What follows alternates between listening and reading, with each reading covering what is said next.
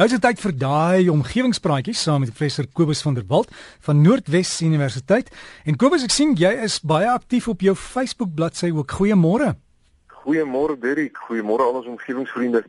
Ja, die Facebook bladsy loop mooi Derrick en ek sit goedjies daarop. Mense moet maar kyk. Uh dis daar's baie interessante goed partykeer. Maar nou ja, dit was die afgelope week Waterweek en uh, ek wil graag vanoggend aansluit by die tema. En ek wil spesifiek gesels oor ons land se stand van die brongebiede van skoon water. En dis natuurlik die hooglande waar ons riviere ontspring. Nou in die verlede was daar kort kort pogings van mynmaatskappye om in daardie gebiede eksplorasiewerk te begin doen sodat hulle nou kan eh, steenkool myn. En die afgelope week was 'n maatskappy weer eens in die nuus wat nou graag sou wil begin om in die hoofveld van in Mpumalanga waar verskeie van ons riviere ontspring skaliegas ontginning te doen deur middel van hidrobreking. Nou die meeste mense is redelik op hoogte van die voortsleepende hidrobrekingsage in die Karoo. En die besware daarteen is legio soos byvoorbeeld waar die maatskappy nou groot volumes water vandaan gaan kry om die hidrobreking mee uit te voer. Maar meer belangrik waar die maatskappye met die groot volumes besoedelde water gaan heen gaan wat weer uit die boorgat gaan uitkom as die breking gedoen is asook natuurlik die moontlike langtermyn besoedelingsrisiko's.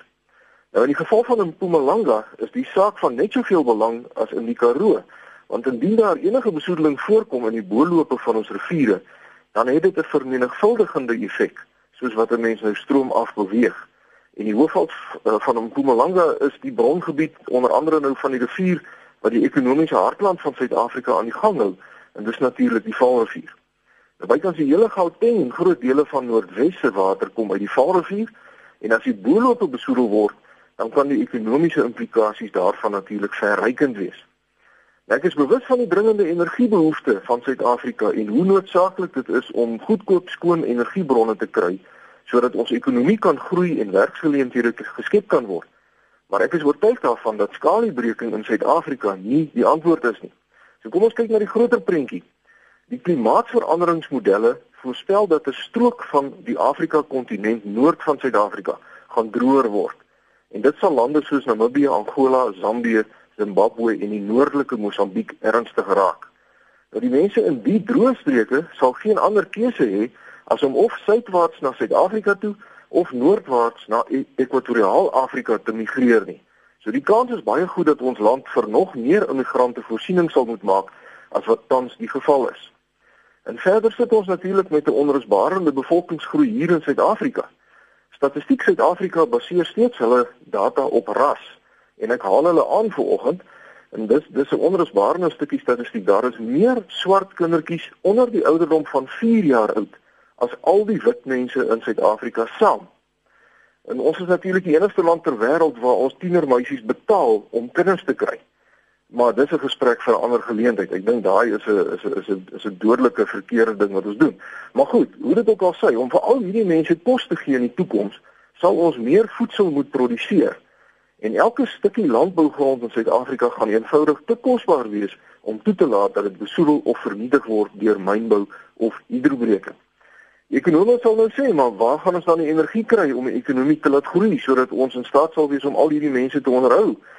En hulle sal dan van hulle sal sê ons het geen ander keuse nie as om in ons wildtuine en in die boorloope van ons riviere en in die berggebiede en in die sensitiewe Karoo te myn en tegnieke soos hidrobreking toe te pas want ons het die energie dringend nodig en skaliegas is in alle geval baie meer omgewingsvriendelik as iets so steenkool. Nou die antwoord daarop is dat ek vas oortuig is dat Suid-Afrika glad nie hidrobreking hoef toe te pas nie. Want Mosambiek het die vierde grootste gasveld in die hele wêreld en ons het reeds 'n pipeline van daar af reguit Sasolburg toe.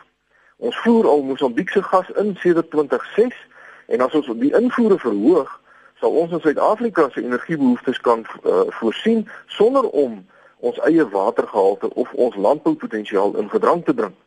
En die gas sal Suid-Afrika se ekonomie in staat stel om te groei en ons sal werksgeleenthede kan skep terwyl die feit dat ons nou die gas by Mosambiek aankoop terselfdertyd 'n ekonomiese inspuiting in hulle ekonomie sal wees wat net goed kan wees vir die stabiliteit van die hele suidelike Afrika.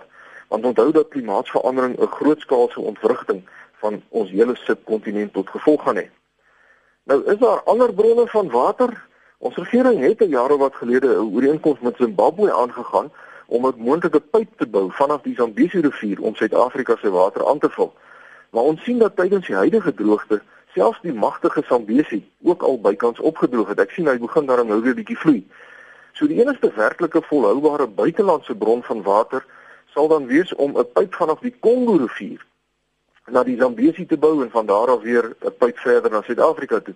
Want die klimaatsveranderingsmodelle dui daarop dat streke rondom die Kongo rivier heelwat meer reën gaan kry in die toekoms.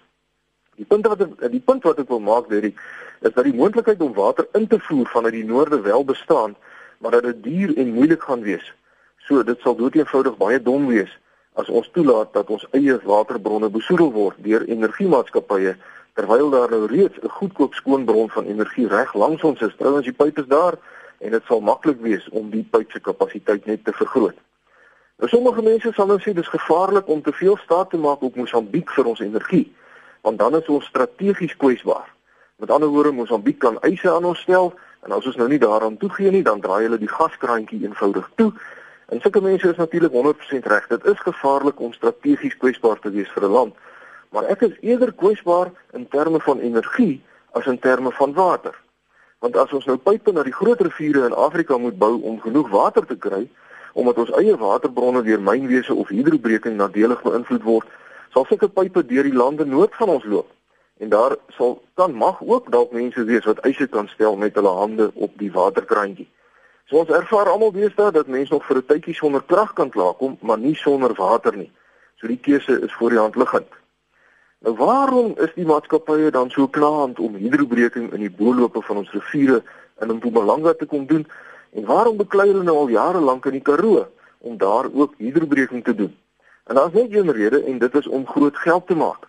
Want dit is natuurlik baie makliker en goedkoper om gas op land deur middel van hidrobreking te ontgin as wat dit is om gas onder die see uit te haal. En dit is die rede waarom die maatskappye so begeerig is om hidrobreking hier by ons te kom doen. Hulle beloftes van grootskaalse werkskepping is na my mening misleidend want dit is die gas wat permanente werksgeleenthede uh, teweeg sal bring as gevolg van ekonomiese groei en nie die hidrobreking aksie self nie. En ons het reeds goedkoop gas in Mosambiek sowel as nog ander addisionele gasbronne aan ons Weskus wat net wag om ontgin te word. So om op te som omgewingsvriende as ek na die groter prentjie kyk kan ek nie sien hoe Suid-Afrika hidrobreking op enige plek in ons land kan toelaat nie. En ek dink ook dit is nodig nie en daarom wil ek graag ons omgewingsvriende aanmoedig om nie apaties teenoor hierdie saak te staan nie, maar om aktief deel te neem aan die publieke deelname prosesse wat oor hierdie saak gaan. Registreer asseblief as belanghebbende party en laat u stem hoor, want as ons nie deelneem aan die prosesse nie, dan kan ons nie later kla as dinge skeefloop nie. En daarmee sluit ek af vir oggend. Onthou net dis vanaand weer die aarde uur, so sit die ligte af van 09:30 af tot 10:30 en trakteer mekaar met 'n heerlike romantiese ete by Kerslig en geniet die hele ervaring. Skryf gerus vir my, ek is by die fakulteit Natuurwetenskappe Noordwes Universiteit Potchefstroom 2520 of by kobus.vanderwalt by nwu.ac.za. En dan is daar natuurlik ook nog omgewingspraatjies se Facebook bladsy waar u ook al die besonderhede kan kry. Ek hoop almal 'n heerlike dag en vriendelike groete tot 'n volgende keer. Kobus, alles in die beste gaan jy nie weg die lang naweek nie?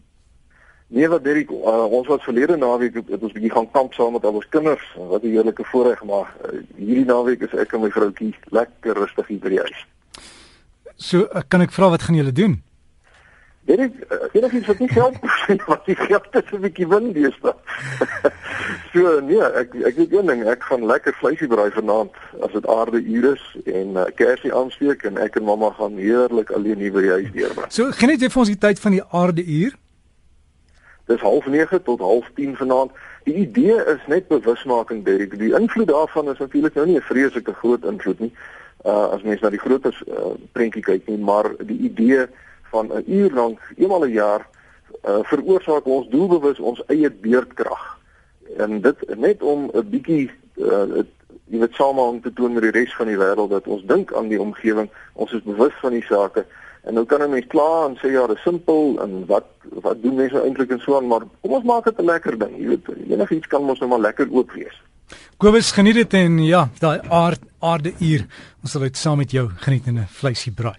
Dit is Kobus van der Walt, professor by Noordwes Universiteit. Gaan loer op Facebook omgewingspraatjies en sluit aan by die groep. Anders e-pos vir Kobus is Kobus met 'n K, kobus.vanderwalt by nwu.ac.za.